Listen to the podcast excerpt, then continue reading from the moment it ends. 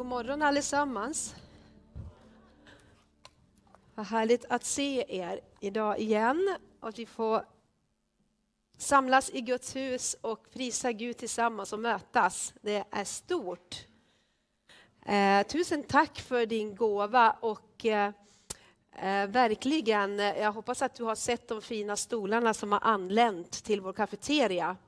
Och det är ett av delmålen och nu har vi beställt både eh, kafésoffor och eh, sådana här fåtöljer till. Och sen kommer det lampor och sen kommer det att komma igång en, en, en grupp som ska, som ska jobba fram kaféet så att det blir praktiskt och att det blir användbart så att vi kan betjäna många människor där och att du och jag får använda kafeterian och få sitta där och mötas och att det får vara en fin och härlig miljö.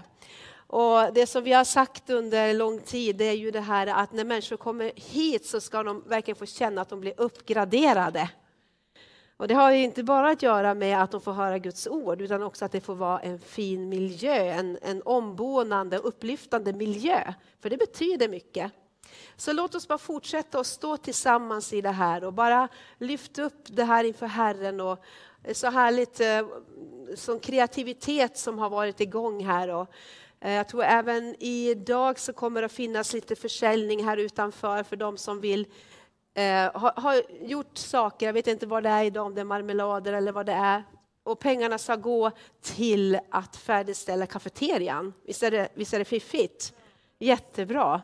Så, så bara ta med dig det här, fortsätt och bara se hur vi tillsammans kan hjälpas åt med det här. För det här är vårt hem och här vill vi ha, eh, här vill vi ha det bra. Amen. Eh, så tack också för alla förböner. Vi var ju eh, ett helt team i Finland Förra helgen var det väl, veckorna går så fort så att eh, det var förra helgen så var vi i Finland och hade King of Kings Conference i Finland. Eh, och det var fantast, fantastiska dagar och jag tror alla ni som var med i teamet kan intyga det. Att vi fick bara gå i förutberedda gärningar och vi kände verkligen att vi fick gå eh, eh, eh burna i bön. Och eh, så härligt att se hur hela teamet och hur vi bara fick eh, möta människor och tala profetiskt in i människors omständigheter och liv. Men även då över nationen och för Norden som också är, ehm, som är visionen för King of Kings. Ni vet ju den här profetiska pilen som vi har fått ifrån en, ett bönecenter i Israel en pil som går från Finland och hela vägen över Sverige till Norge och sen skjuts ut till Europa. Och så vi bad mycket för den också, att Gud verkligen ska, ska bara komma med, med, med ny styrka över Kristi kropp i våra länder. Och Sebastian Staxet eh, kom in på eh, lördagskvällen och verkligen bara, det blev som en explosion där av eh, han bara talade om en ny Guds auktoritet för för Guds församling i Finland.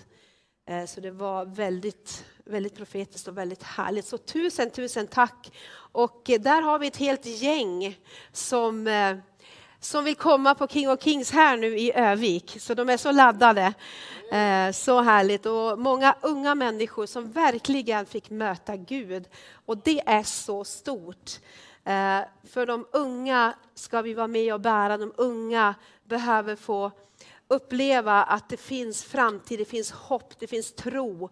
Det finns liksom ett liv att leva med den helige ande och i bön. Eh, så det var så roligt att se. Så tusen, tusen tack. Eh, vi ska eh, tala idag, som du säger, skapad till välsignelse. Amen, du är skapad till välsignelse. Har vi ett gensvar i kyrkan idag?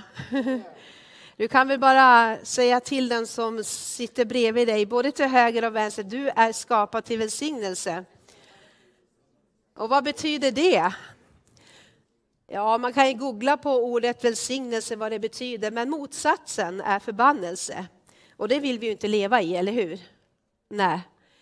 Och vi ska se lite grann hur välsigne, vad välsignelsens betydelse betyder för oss och vad Gud tänker på när han talar om välsignelse, hur oerhört starkt och mäktigt det är. Eh, och jag tänkte bara att vi ska börja och läsa ifrån första Moseboken om Guds plan för mänskligheten. Och där står det i vers 26-28, Gud sade, låt oss göra människor till vår avbild, lika oss. De ska råda, de ska råda över havets fiskar och himlens fåglar, över boskapsdjuren och hela jorden och alla kräldjur som rör sig på jorden. Och Gud skapade människan till sin avbild. Till Guds avbild skapade han människan. Och det är därför som varje människoliv är så betydelsefullt. Människovärdet är högre än allting annat och det kan vi också se i den fortsatta skapelseberättelsen. Han skapade människan till man och kvinna. Och Gud välsignade dem. Kan du säga det? Gud välsignade dem och sa till dem, var fruktsamma och föröka er, uppfyll jorden och lägg den under er. Råd över havets fiskar, himlens fåglar, alla djur som rör sig på jorden. Och sen så kan vi läsa vidare också i kapitel 2 där det står att eh, Gud sa, det är inte bra för mannen att vara ensam. Jag ska göra en medhjälpare åt honom, en som är hans like. Och då hade ju Gud skapat alla djuren. Och det räckte inte för Adam att umgås med djuren, utan Gud skapade kvinnan och skapade eh, henne ut ur mannen för att vara lik Gud. Och tillsammans som män och kvinnor får vi avspegla Guds härlighet, får vi föra vidare eh, Guds välsignelse. Amen. Män och kvinnor är skapade till Guds avbild. Och igår så hade vi en fantastiskt härlig eh, frukost för tjejer och kvinnor. Eh, och eh, vi, ska, vi talade bland annat om det här att vad viktigt det är att vår identitet både som män och kvinnor idag är i Kristus Jesus. Därför Jesus uppvärderade människor överallt där han gick. Och framför allt så gick han emot kulturen av att kvinnor inte var värd någonting. Nej, i Kristus Jesus så är det varken man eller kvinna, står det. Förstås så är vi skapade olika och det tror vi på idag. Vi tror på skapelseordningen, att både män och kvinnor tillsammans ska få tjäna Herren, eller hur? Vi är alla betydelsefulla. Och vi kommer under nästa helg att eh, när vi får besök av Hans och Karin Jansson så kommer vi på eftermiddagen eh, att dela upp oss, män och kvinnor och tala om hur vi kan stärka vår identitet i Kristus. Hur vi kan bli starka män, starka kvinnor, hur vi kan leva i våra kallelser där vi är idag. Och tillsammans får vi tjäna Gud. Tillsammans får vi förmedla helheten i Kristus. Det behövs både män och kvinnor.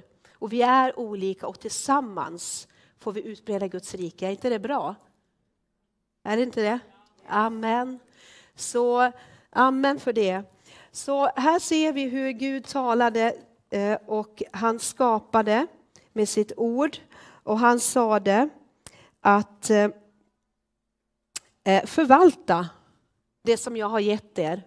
Och sen så säger han vidare i Matteus 28, mig är given all makt i himlen och på jorden, sa Jesus. Gå därför ut och gör alla folk till lärjungar. Döp dem i Faderns, Sonens och den helige Andes namn och lär dem att hålla allt vad jag har befallt er och se, jag är med er alla dagar. Kan du säga alla dagar?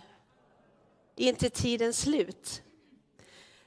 Så Gud har gett oss eh, förvaltaruppdraget och han har gett oss missionsuppdraget. Både att ta hand om skapelsen, förvalta skapelsen eh, föra vidare, förvalta och se till att den här jorden får uppfyllas av Guds härlighet. Men I Nya Testamentet så talar han också om missionsbefallningen, att gå ut och göra människor eh, till lärjungar, att, att de får bli döpta, de får lära känna sanningen. Och det han understryker det är att jag har all makt i himlen och på jorden. Gå därför ut. Och jag har gett er förmågan att utbreda, att råda, att regera på jorden, skrev han i Första Moseboken. Så Gud har gett oss ett rådande. Gud har gett oss auktoritet ifrån himlen. När Jesus lämnade jorden så sa han, gå ut nu och gör mina gärningar. Och det står till och med att, att eh, ni ska kunna trampa på all ondska. Det står alla, eh, på ormar och skorpioner, vilket är en bild av allt mörker. Och de ska inte kunna göra er någon skada. Är inte det här fantastiskt? Är det inte någon av er som längtar att få se det här ännu mera? Att få komma in i ett rådande med Gud. Åh, vad jag längtar efter. Jag tror att vi alla längtar efter det här och jag tror att vi alla bara ännu mera vill se det här i Kristi kropp i hela Sverige. För vilka utmaningar vi har idag. Vad är det som händer? Vi behöver få bara uppleva att vi som troende får råda och regera med Kristus Jesus. Att vi får eh, leva i auktoriteten, föra vidare auktoriteten i våra vardagsliv, i våra böner, i våra familjer. Eller hur? Och vi ska se och, eh, och följa ett litet exempel här ifrån en som verkligen hade fått Guds välsignelse över sitt liv. Det var på ett lite speciellt sätt, men det var ändå Guds vilja att han skulle få leva i välsignelsen och föra eh, familjevälsignelsen vidare. Eh, och eh, jag vill att du ska gå till första Moseboken 26 och 16. Och det handlar om en man som heter Jakob. Eh, Jakob är ju en av förfäderna, Abraham, Isak och Jakobs Gud. Det har du hört talas om va? Eh, och om vi läser ifrån kapitel 26 sa jag va? Vi ska se.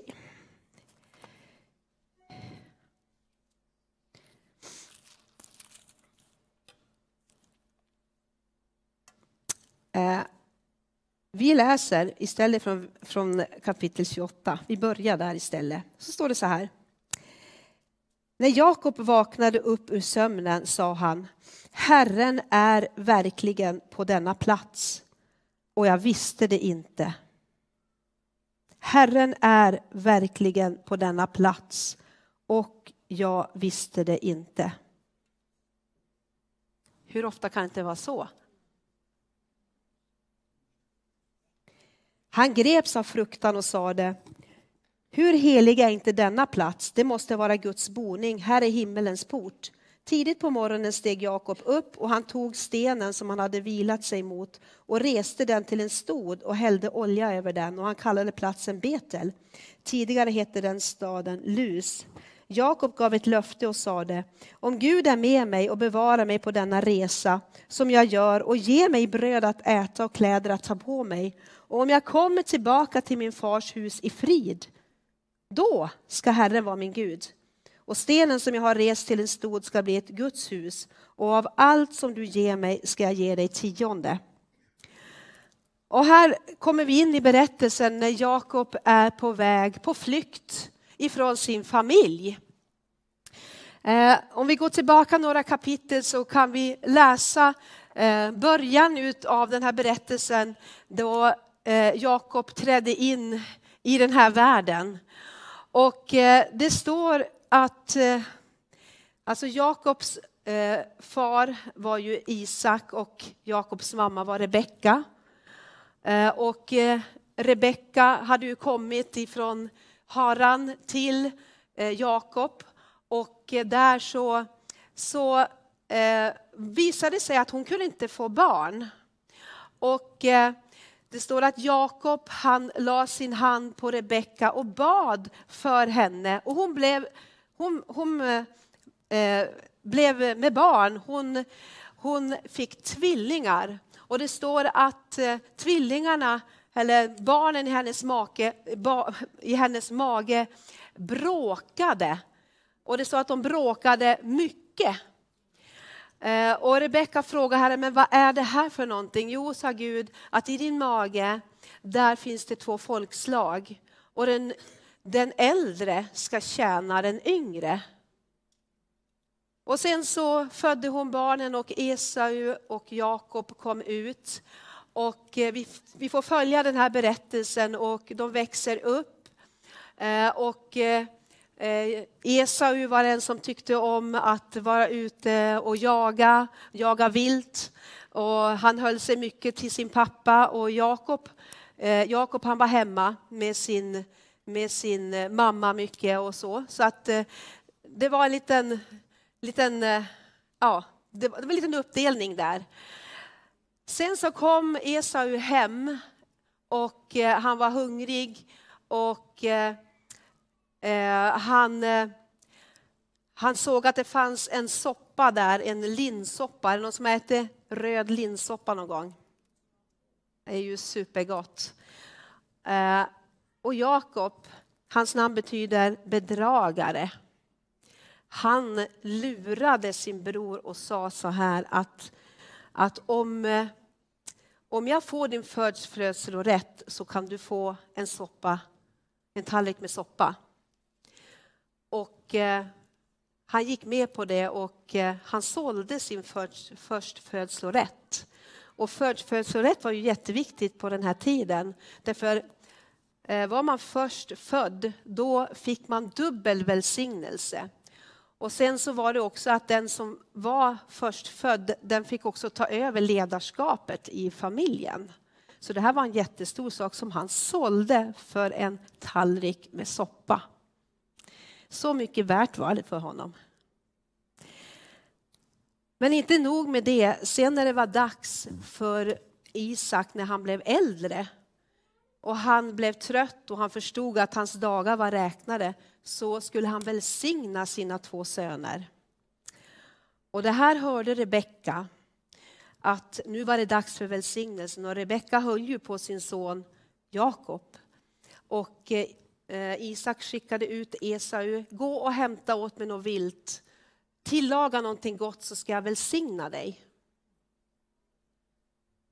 Men eh, Rebecka hon, hon hjälpte Jakob och, och sa till honom nu, nu är det du som ska ha den här välsignelsen. Låt oss skynda och göra till någonting gott till din pappa.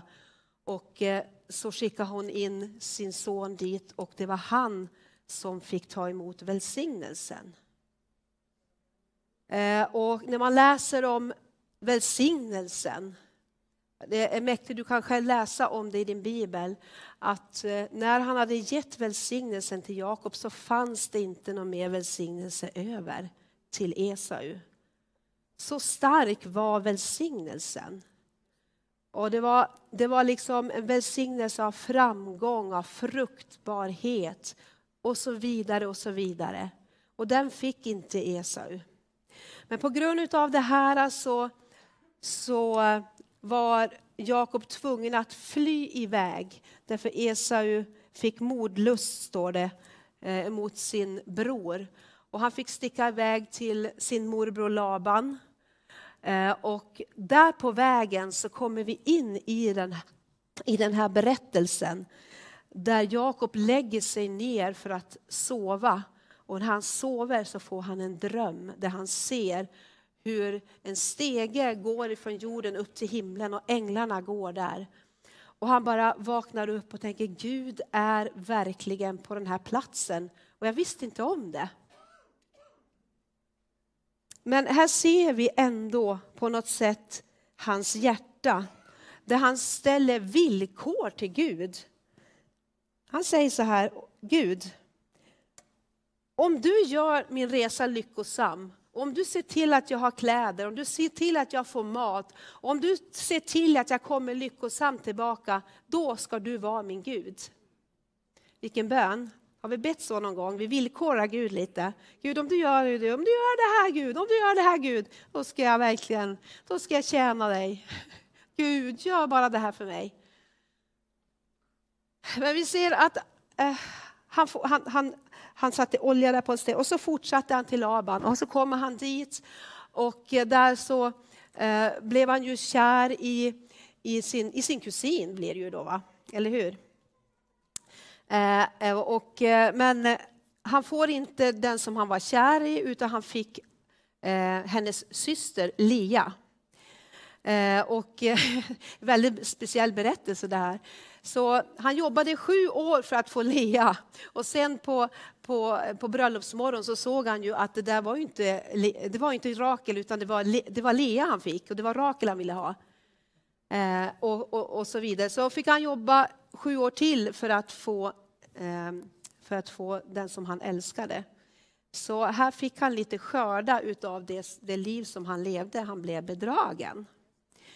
Eh, och eh, sen så jobbade han fort, eh, ännu sju år till och han jobbade 20 år sammanlagt hos sin morbror Laban.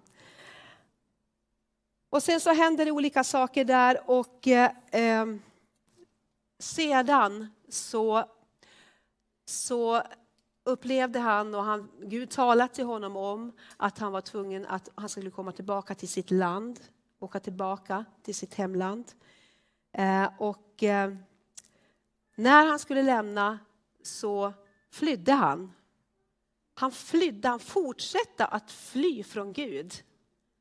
Han, gjorde, han pratade inte med Laban, han sa, utan han bara, han bara i skymundan tog sina fruar, tog sina, tog sina barn och så flydde han iväg.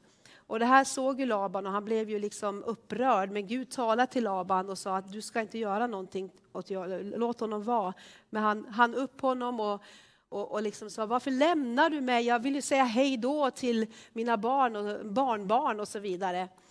Eh, och, och, och Jakob är på flykt. Han är på flykt igen. Sen så kommer vi in i berättelsen där det står, eh, vi kan gå framåt något kapitel. Där det står att när han är på väg så hör han att Esau, hans bror, är på väg emot honom. Och då så skickar han iväg gåvor, han skickar iväg sina tjänare för att förbereda vägen, för han är rädd. Det står att han var rädd. Och eh, vi kan gå till kapitel 30, i vers, eh, 30 och vers 25. Nej, vi, ska säga, eh, vi ska gå till eh, kapitel 32 och vers 22. Där står det så här. När Jakob steg upp samma natt och tog sina båda hustrur och sina båda slavinnor och sina elva söner och gick över Jakob, Jaboks vadställe. Han tog dem och förde dem över bäcken tillsammans med allt annat som han ägde. Och sen står det att Jakob blev ensam kvar.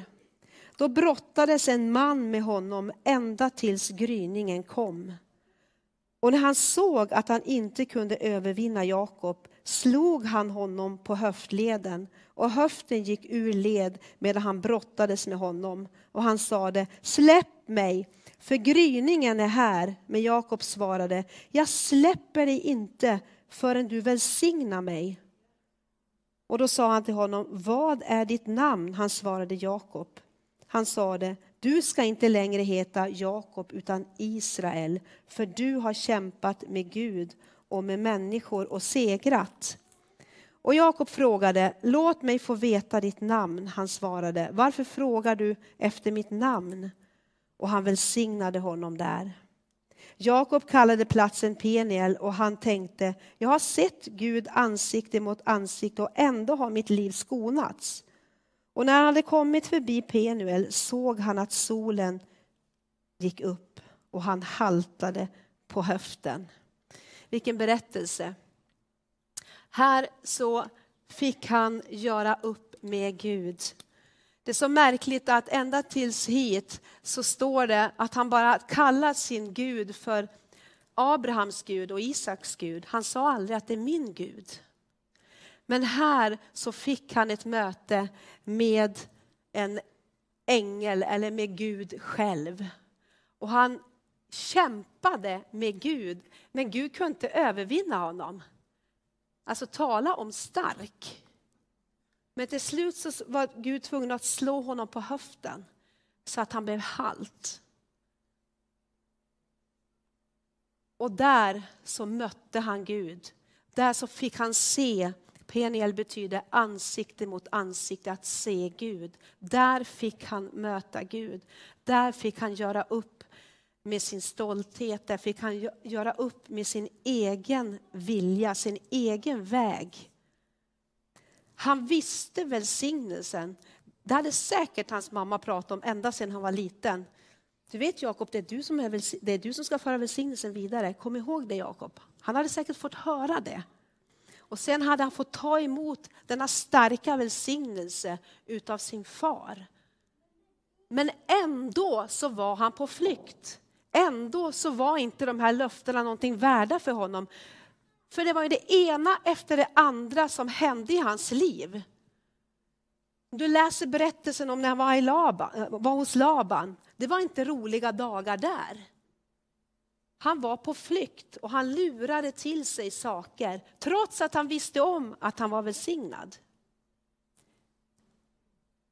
Men sen fick han ett möte med Gud och det står att solen gick upp. Gryningen kom. När han var i Betel står det att solen gick ner. Då han villkorade Gud. Men här står det nästa gång han mötte Gud så gick solen upp, gryningen kom. Han fick ett nytt namn, Israel. Du ska bli far till många. Israel. Han fick bära namnet Israel, han fick ett nytt namn för att föra välsignelsen vidare. Amen. Och när vi sen går vidare i den här berättelsen så har det ju hänt någonting med Jakob. Därför i nästa kapitel så står det att, eh, att han var på väg och han fortsätter sin vandring och han fick se Jakob. Nej men förlåt, han fick se Esau. Och vad säger han så här när han, ser, när han möter sin bror efter så många år? Ni vet ju att han hade som fruktan, men han, när han ser honom så står det i vers 10. När jag ser dig är det som om jag såg Guds eget ansikte, för du tar emot mig så vänligt. Wow! Någonting hade hänt, där, någonting hade brutits. Han kom in i välsignelsen, han kom in i Guds favör. Han börjar se att Gud stred för honom, han börjar se att det var förberett. Och det blir ett helt annat, en helt annan liksom liv för honom efter det här mötet. Och eh, välsignelsen eh, liksom följde honom. Och avslutningsvis i den här berättelsen i kapitel 35 så säger Gud till Jakob, Jakob gå tillbaka till den där första platsen då jag mötte dig vid Betel. Gå tillbaka dit, för jag vill att du ska resa ett altare åt mig där och tillbe mig där, där du fick första gången möta mig. Och Vi kan läsa ifrån vers 1. Gud sa till Jakob, gå upp till Betel och stanna där och res upp ett altare åt en Gud som uppenbarade sig för dig när du flydde för din bror Esau. Då sa Jakob till sitt husfolk och till alla som var med honom, gör er av med de främmande gudarna. Ni vet ju att Rebecka hade tagit husguden med sig. Gör er av med de främmande gudarna som ni har hos er. Rena er och byt kläder. Vi går upp till Betel. Där ska jag resa ett altare åt en Gud som svarade mig när jag var i nöd och som var med mig på vägen då jag gick. Tänk vad Gud var god. Han gick i sin egen kraft, men Gud var med honom ändå. Men det var krångligt. för han gick i sin kraft. Och de gav Jakob alla främmande gudar som de hade och alla sina örringar. Och detta här talar ju om mycket av vidskepelse när man talade om örringar. Och Jakob grävde ner allt det här under terebinten vid Sheken. Sedan så bröt han upp och vad hände? En skräck från Gud kom över alla städerna runt omkring så att man inte förföljde Jakobs söner. Amen. Amen. Amen. En skräck ifrån Gud kom över alla städer runt omkring. Därför Gud hade börjat strida för Jakob. Amen. Och hörni, det här är sånt tala, det här, den här berättelsen har talat till mig, jag vet hela teamet, jag berätt, talade den här berättelsen för hela teamet och på många ställen. Den här berättelsen har, har talat till mig under så lång tid. Därför jag tror att det, det är fler än jag som bara Alltså det, det, det, är en sån fruktansvärd tid vi lever i. Och vi behöver få kraft ifrån Gud. Vi behöver få auktoriteten. Guds folk måste vandra i auktoriteten. Och jag tror att det här handlar om, den här berättelsen lär oss att vi kan inte gå vår egen väg. Vi kan inte gå i vår egen kraft. Vi kan inte, vi behöver, vi behöver, vi behöver märkta av Gud, vi behöver bli halta. Att Gud är med oss. Vi har fått blivit liksom märkta av Gud. För vi vet löftena, vi vet vad Gud har sagt, eller hur? Men var är kraften? Var är auktoriteten? Vi behöver låta Gud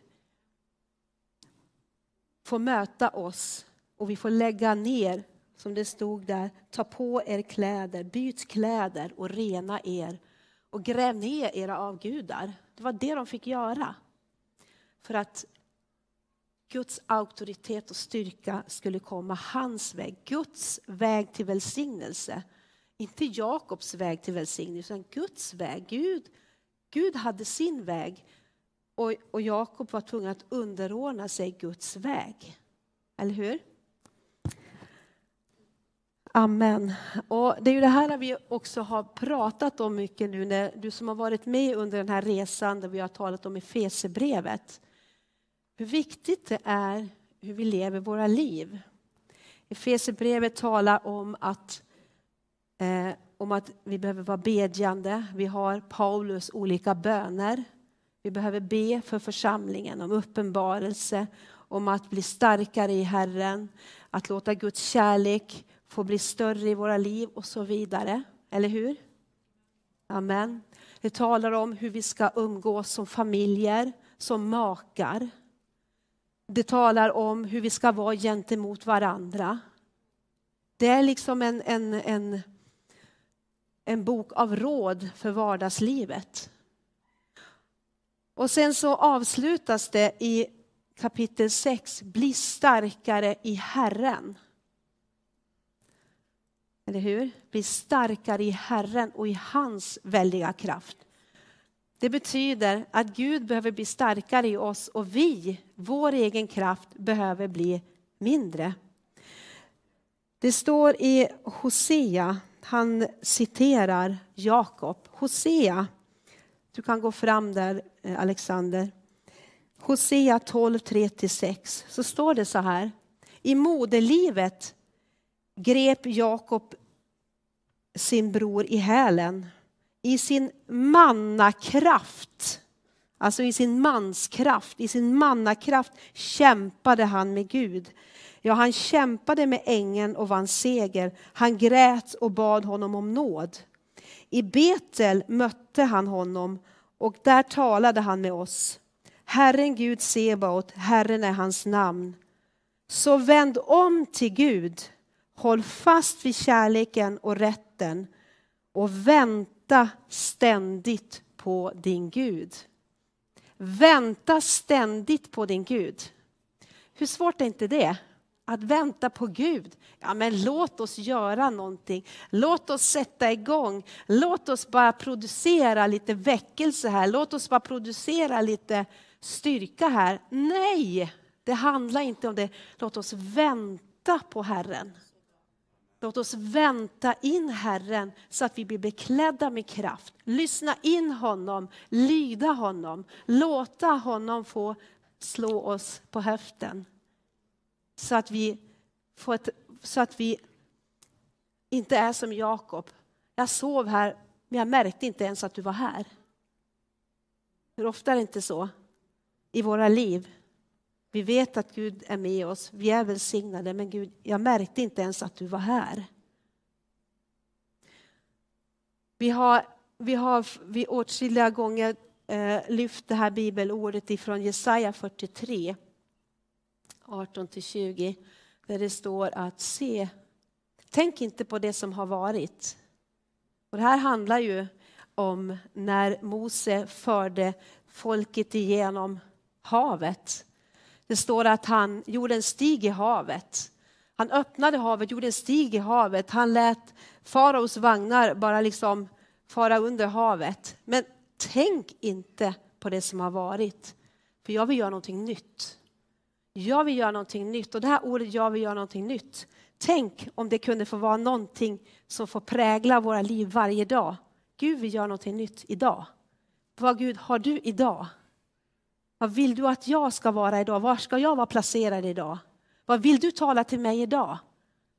Amen. Jag vill göra någonting nytt. Redan nu, eller det står så här, märker ni det inte? Märker ni det inte? Det har vi det igen. Märker du inte att Gud gör någonting? Vad gör han för någonting?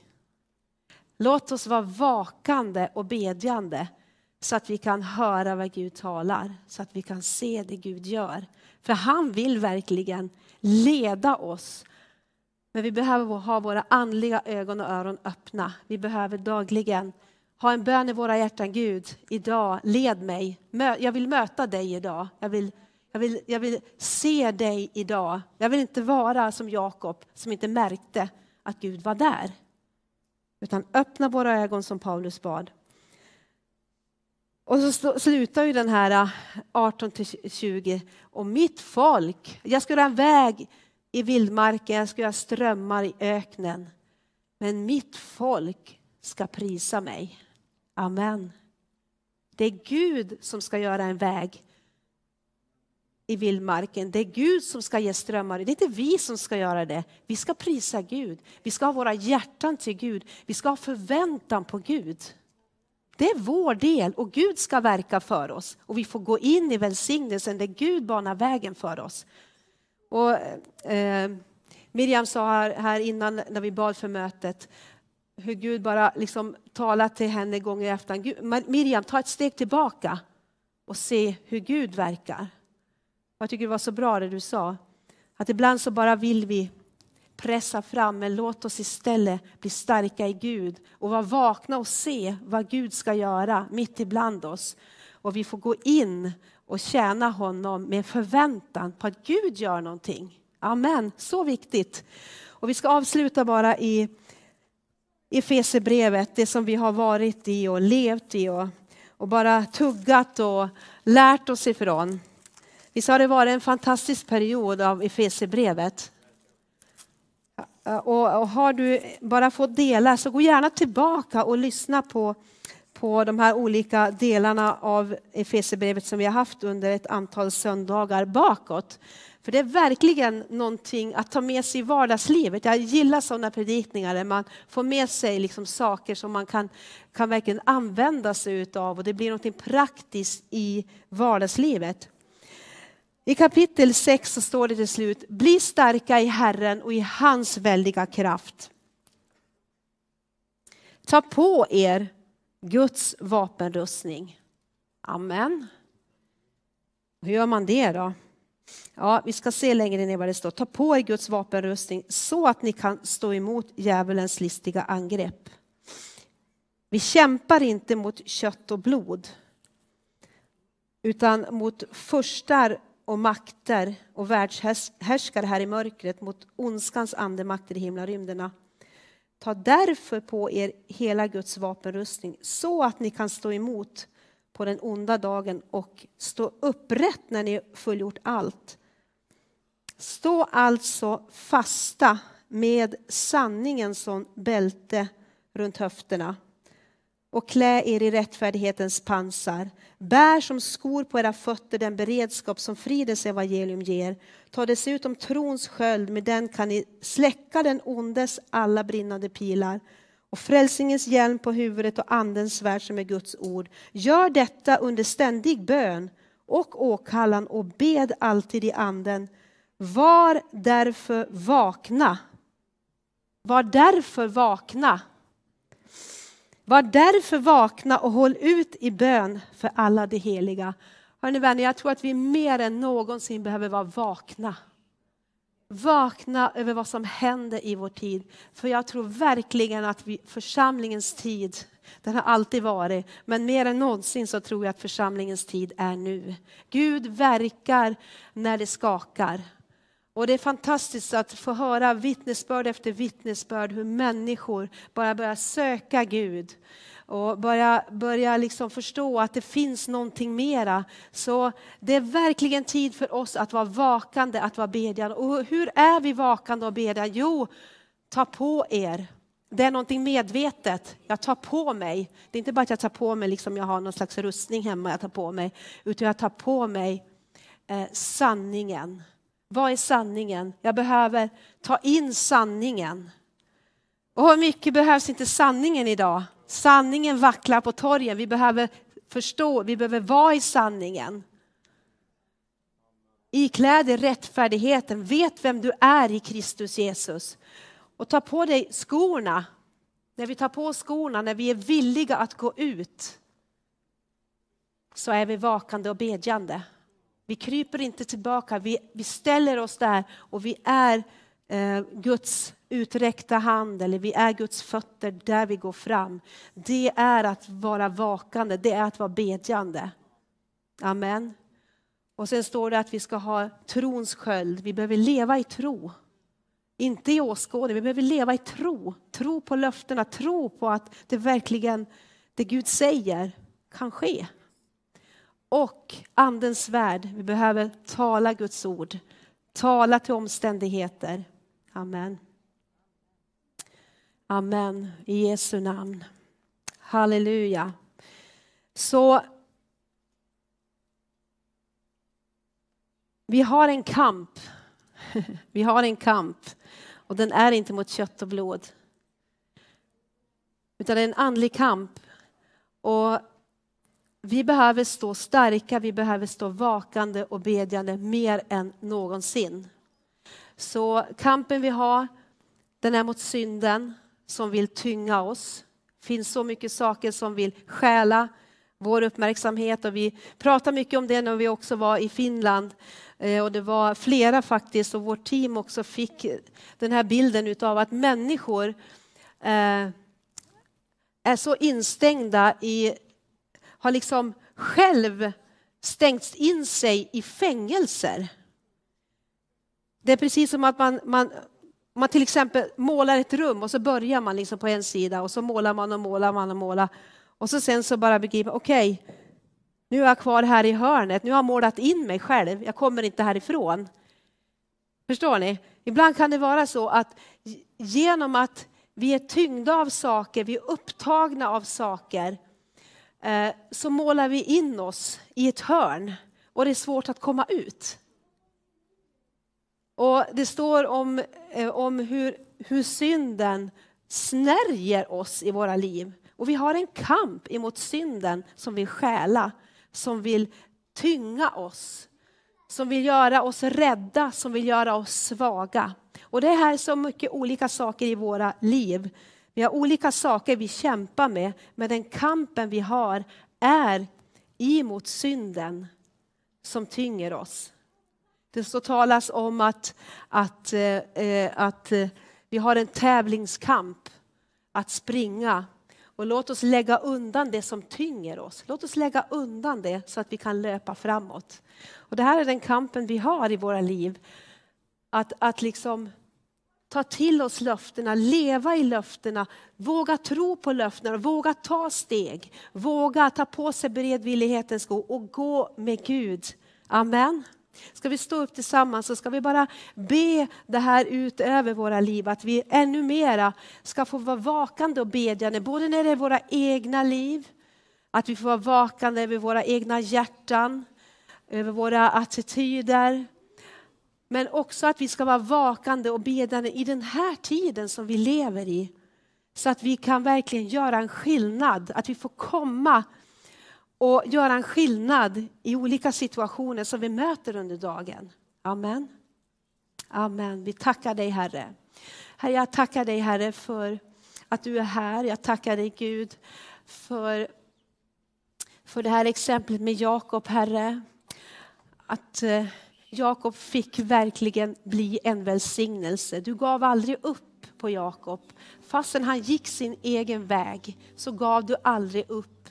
Utan Herre, det du hade tänkt, det du hade planerat, det blev verkligen så. Och jag tackar dig Gud att Jakob böjde sig. Jakob fick ett möte med dig. Han fick en ny start i sitt liv och han fick vara till stor välsignelse. Och Herre, jag bara ber om vi kan känna igen oss Herre i den här kampen som vi kan ha av vår egen vilja, vår egen väg, synden Herre som vill dra oss åt olika håll, locka oss åt olika håll Herre. Jag bara ber Fader, jag bara ber Fader att du ska möta oss Herre. Möt oss Herre i vår vardag, i våra personliga liv Herre. Så att vi får göra upp Herre med det som tynger oss, med det som gör att våra steg blir tunga Gud. Åh Herre, jag bara vet Herre att vi har den här kampen var och en utav oss Herre. Och jag bara ber Fader att vi gång på gång får komma till dig Herre, lägga ner våra bördor vid korset, lägga ner vår synd och bara få be om ny styrka, att få bli starka i dig Gud, i din kraft Herre. Så jag bara tackar dig Fader. Du vill möta oss den här morgonen Fader. Du vill möta oss Herre med din gudomliga nåd, med din upprättelse. Du gav aldrig upp Herre. Du hade en plan för Jakob Herre och han fick gå in. Han fick gå in i det förlovade landet. Han fick gå in Herre i det som du hade förberett. Även om vägen var lång för honom. Vi tackar dig för det Herre. Åh Herre, Herre, jag bara ber Herre att du ska tala till oss Herre den här förmiddagen. Om saker Herre som, som gör att ryggsäcken är tung, att stegen blir tunga i våra liv Herre. Kanske vi vet om vad det är Fader. Men Herre jag bara ber Gud att du ska ge oss Herre, åh, nåden och kraften att lägga undan saker. Jag ber Herre att du ska möta oss Herre, befria oss Herre, lyft oss upp Herre. Åh, Åh, halleluja, var och en här, men jag ber också Herre för Kristi kropp här i Örnsköldsvik, Kristi kropp här i vårt land Herre. Jag ber Gud att i den här tiden Herre, så bara ber vi om ett vakande folk Herre. Åh, ett folk Herre som, som har sina andliga ögon och öron öppna att höra vad anden talar, vad du talar Herre. Åh, vi bara ber i Jesu namn, vi bara ber i Jesu namn, vi bara ber i Jesu namn, vi bara ber ber i Jesu namn, vi ber i Jesu namn. Åh, rabashaka Herre, Herre kom, Herre kom, Herre kom. Åh, rabasiri liberi liberia. Åh, rabasantiri likiria, Jesu namn. Jesu namn, Jesu namn. Åh, Jesu namn. Åh, rabaralabaria. Åh, Herre, tack att du vill göra någonting nytt. Och tack att redan nu visade sig, Herre. Herre, jag tackar dig, Herre, för att du, Herre, när det ser ut som en vildmark, Herre, så vill du göra en väg därigenom, Herre. Åh Herre, när det är som en öken Herre, där vill du komma med strömmar. Allt är möjligt för dig Gud. Åh Herre, så jag bara ber Fader, jag bara ber Herre, gör ditt verk Herre, gör ditt verk. Herre, att vi får bara, bara få släppa taget om det som Herre bara drar oss undan, det som håller oss fasta och vi får lyfta vår blick Herre. Vi får komma till dig den här stunden i Jesu namn. I Jesu namn, i Jesu namn. Halleluja. Jag tror vi ska bara ta en stund och bara vara inför Herrens ansikte. Det är bara sån ljuvlighet och sån, sån eh, mättnad och sånt, sånt allvar. Jag tror bara Gud, Gud har så mycket mer för mig. Han har så mycket mer för dig. Han har så mycket beredskap för sitt folk. Men vi behöver lägga ner vår egen väg för Guds höga väg. Det står att den som, den som lämnar far och mor, överger sitt hem, han ska få igen redan här i tiden. Så det finns en väg att låta Gud komma först. Och han ska ge oss allt det andra. Åh, tack Jesus. Vi kan bara ta och sjunga en lovsång och så kan vi bara vara inför Herrens ansikte. Och känner du att du också vill komma fram här och bara böja knän. Du vill ha någon som ber för dig. Eller om du är här första gången och bara vill ta emot Jesus i ditt hjärta. Om du bara kommer här och bara känner att jag känner inte Jesus men idag så finns det möjlighet också för dig att bara få ta emot Jesus. Så låt oss bara vara i tillbedjan här och i lovsång och bara vara inför Herrens ansikte själv och bara ta det här budskapet till dig om, om Jakob och bara fundera på det och be över det och var inför Herrens ansikte. Och kom gärna fram här också om du vill. Tack Jesus. Du är mitt all.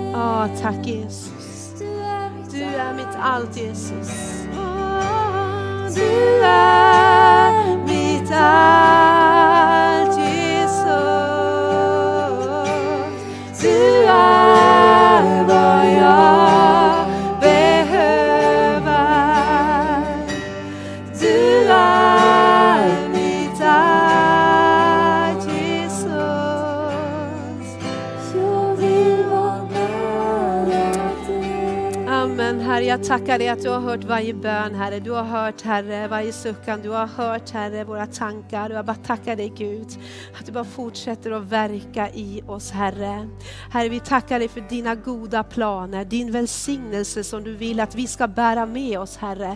Där vi går fram i vardagen Herre. Jag bara ber Gud om en ny förväntan Herre. Jag bara ber Gud att vi ska ha en förväntan på dig varje dag, att du ska verka. Att vi ska vara medvetna om din närvaro. Att vi är inte själva utan vi går med dig Gud i vardagslivet. Jag bara prisar dig för det. I Jesu namn. Allt folket sa Amen. Eh, vi kommer också att öppna upp vårt bönerum som vi har här på sidan om. Och om du är här och bara kämpar med synd i ditt liv, det gör vi allihopa. Vi har en kamp mot synden i våra liv. Om du känner att du vill ha hjälp att be och bryta, bekänna, så bara underbart. Vi bara öppnar här och vi har förebedjare här som ber tillsammans med dig. Och än en gång, om du är här och också vill ta emot Jesus, så går det jättebra idag. Så Gud välsigne dig och ha en fantastiskt bra vecka.